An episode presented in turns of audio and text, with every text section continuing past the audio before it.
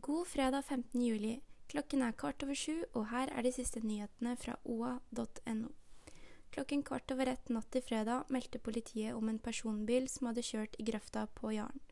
Føreren var en kvinne i 50-årene som ifølge vakthavende i politiet Innlandet anmeldes for kjøring i alkoholpåvirket tilstand. Det skal ikke ha vært noe personskade. Gjøvik-investor Hans Bernhard Falk er en av flere som har vært i søkelyset i en artikkelserie i DN den senere tid.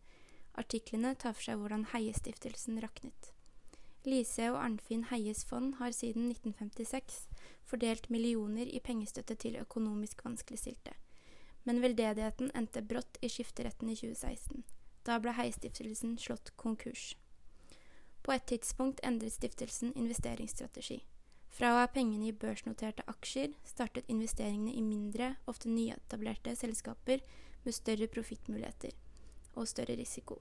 DN viser bl.a. til et hotell på Elverum som Gjøvik-investoren i 2012 kjøpte for 58 millioner, og fem dager senere solgte til stiftelsen for 63 millioner.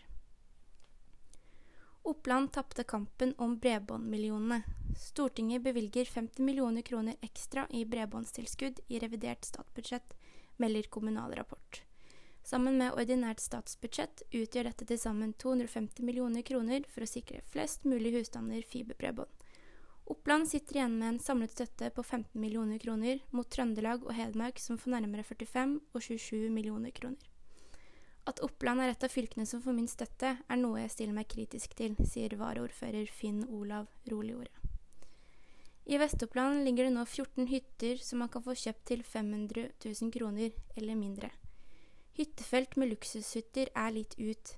Enkle hytter som ligger usjenert og i urørt natur, er inn, sier Jens Petter Nygaard i advokatfirmaet Karlsnes og Nygaard AS.